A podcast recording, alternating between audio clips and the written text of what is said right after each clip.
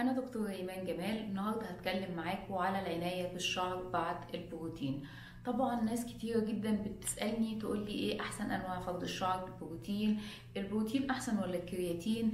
طب إيه رأيك يا دكتور بقى في التقنيات الجديدة اللي مفيش فيها أصلا zero formalin؟ تبقى زي البوتوكس زي ال filler زي الكولاجين زي الحاجات الكتيرة اللي بتتعمل في الصوالين علشان العناية بالشعر وعلشان فرد الشعر. طب يا دكتور خلاص إحنا مش هنستخدم أي منتجات فيها فورمالين بس إحنا عايزين نعرف إزاي إن إحنا نهتم بشعرنا وشعرنا يبقى ناعم ومفروض وعايزين إن الشعر يبقى صحي. كل الحاجات ديت إحنا هنتكلم عليها في الفيديو تابعوا الفيديو.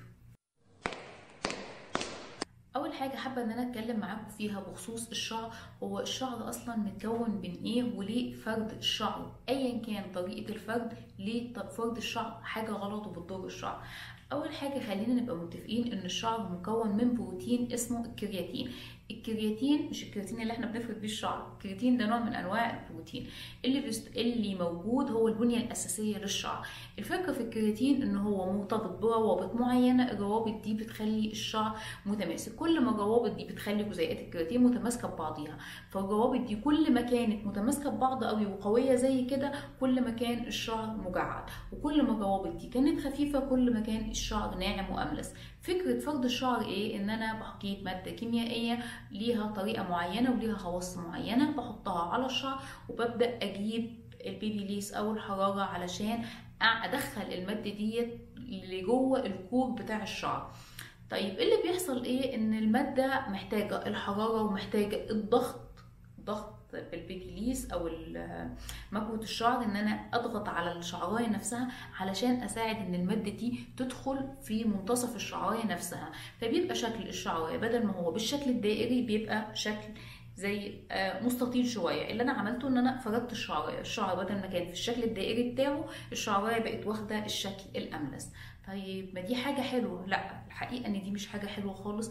أول حاجة أنا ضيعت الروابط بتاعة الشعر وصعب إن الروابط دي ترجع تاني. عشان كده دايما الناس اللي بتعمل فرد للشعر بالبروتين وبالكرياتين وبالكولاجين وبالحاجات دي كلها أول حاجة بتشتكي منها إيه؟ حاجتين إن أنا الشعر الجديد اللي بيطلع بيبقى سيء جدا والحاجة التانية إن أنا الشعر اللي موجود عندي أصلا بعد فترة لما يطلع عليه الشعر الجديد بتبقى فيه شعراية طالعة كده مش مظبوطة والشعر التاني ناعم وسايح وما بينهم زي الشعراية مكسورة الشعراية مش ثابتين مع بعض.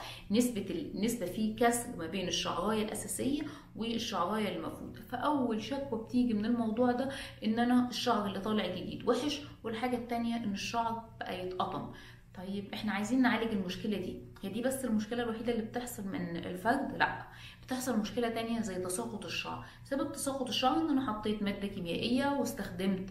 وطبعا المواد بتاعت زمان كان فيها فورمالدهايد المواد اللي موجودة دلوقتي مفيش فيها بس برضه فيها مواد كتيرة بتعمل نفس فكرة الفورمالدهايد. حاجة تانية طبعا دي بتسبب التساقط حاجة بقى غير كل ده وده القشرة. ليه؟ لأن هم طبعا بيقولوا إن إحنا لما نيجي نستغ لما عملنا فرد البروتين أو فرد الكرياتين أو ايا كان نوع الفرد حافظوا بقى على جمال النتيجة دي واستخدموا شامبوهات مفيش فيها sodium lauryl sulfate فبالتالي الشامبو ما بيرغيش كويس وبالتالي كمان بيسبب تراكم الدهون على فروه الراس وبالتالي هتطلع القشرة. فإحنا كده محتاجين إن إحنا نعالج الشعر اللي اتضرر من البروتين الشعر اللي طالع جديد ومتبهدل متبهدل وكمان نعالج تساقط الشعر ومحتاجين نعالج القشرة. إحنا يعني فردنا شعرنا واستمتعنا بالنتيجة ست شهور هنقعد بقى نعالج الشعر قد إيه؟ على الأقل كمان ست شهور وما تستعجلوش النتيجة. طيب إحنا محتاجين إن إحنا نعمل إيه؟ هنقسم الحاجات اللي إحنا هنعملها على حسب الأضرار المترتبة على الشعراية من العلاج بالبروتين والكرياتين والكولاجين وال filler والبوتوكس والحاجات الكتيرة اللي أنتوا بتحطوها. وخلينا نبقى متفقين إن منظمة الصحة العالمية أعلنت إن جميع أنواع الفرد غير مصرح ليها و carcinogenic يعني هم في حاجات كتيرة واخدة تصاريح بس التصاريح ديت أعلنوا إن هي أصلا carcinogenic يعني هي من مسببات السرطان. فمفيش داعي إن إحنا نعمل فرد بايا كان وسائل الفرد اللي إحنا نستخدمها البروتين والكرياتين وال filler والكولاجين والحاجات دي كلها علشان لو انت استمتعتي بالنتيجة لمدة ست شهور فانت هتقعدي كمان ست شهور تعالجي في النتيجة اللي حصلت بسبب بسبب استخدامك مواد الفرد طيب إحنا محتاجين نعالج شعرنا أول حاجة هنتكلم فيها إحنا محتاجين إن إحنا نغير نظامنا الغذائي علشان نعالج جسمنا من الداخل قبل ما نعالج الشعر التالف من الخارج.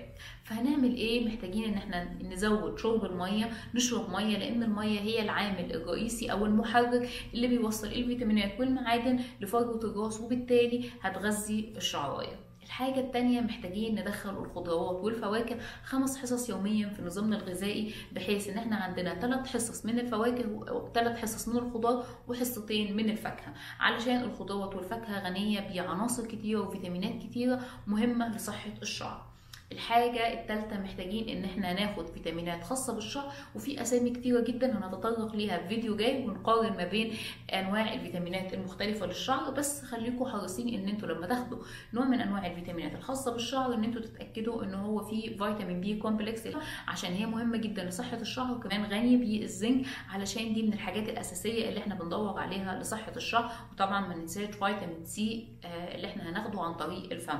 نتأكد إن المكمل الغذائي اللي إحنا هناخده يكون بيحتوي على الفيتامينات المهمة لصحة الشعر طيب اتكلمنا على الحاجات اللي إحنا هتتاخد عن طريق الفم.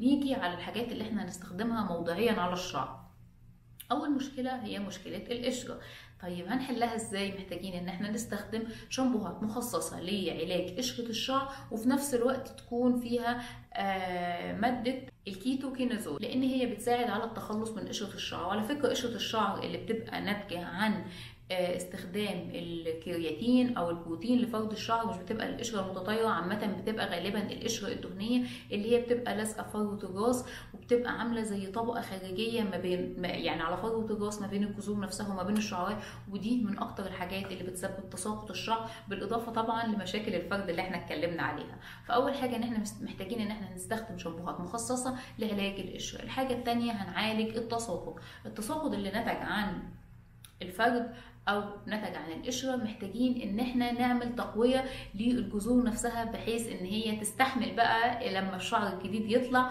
والفروقات ما بين الشعراية الكويسة اللي هي شكلها المستدير وما بين الشعراية المفروده فمحتاجين إن إحنا نغذي فروه الشعر بأمبولات تكون نفس الكلام غنية بالبيوتين وفيتامين B complex وبالزنك وبالفيتامينات والمعادن المهمة جدا لصحة الشعر. وطبعا في بعض المركبات الكيميائية اللي المفروض إن هي تبقى موجودة في أمبولات. التساقط وهنتكلم على أنواع أمبولات التساقط بالتفصيل بالأسامي التجارية اللي موجودة وإيه المواد اللي إحنا المفروض إن إحنا ندور عليها. بس الفيديو ده يعني زي ما تقولوا كده إيه الخطوط العريضة للحاجات اللي إحنا المفروض نعملها بعد عملنا مشكلة في شعرنا في الكرياتين والبروتين. بعد كده محتاجين إن إحنا نحافظ على الترطيب.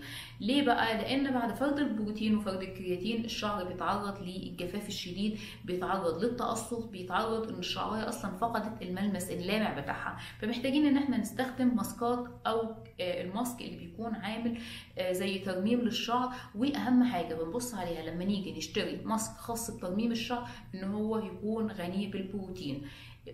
والبروتين عامة اللي بتبقى موجودة في ماسكات الشعر بيبقى عن طريق بروتين strong وبروتين common وأشهر بروتين strong هو الكرياتين دوروا على المنتجات الغنية بالكرياتين علشان زي ما يبدأ بقى يرمم الشعراية اللي فقدت أصلا الحيوية وفقدت اللمعان وفقدت كل حاجة بسبب استخدام الفرد.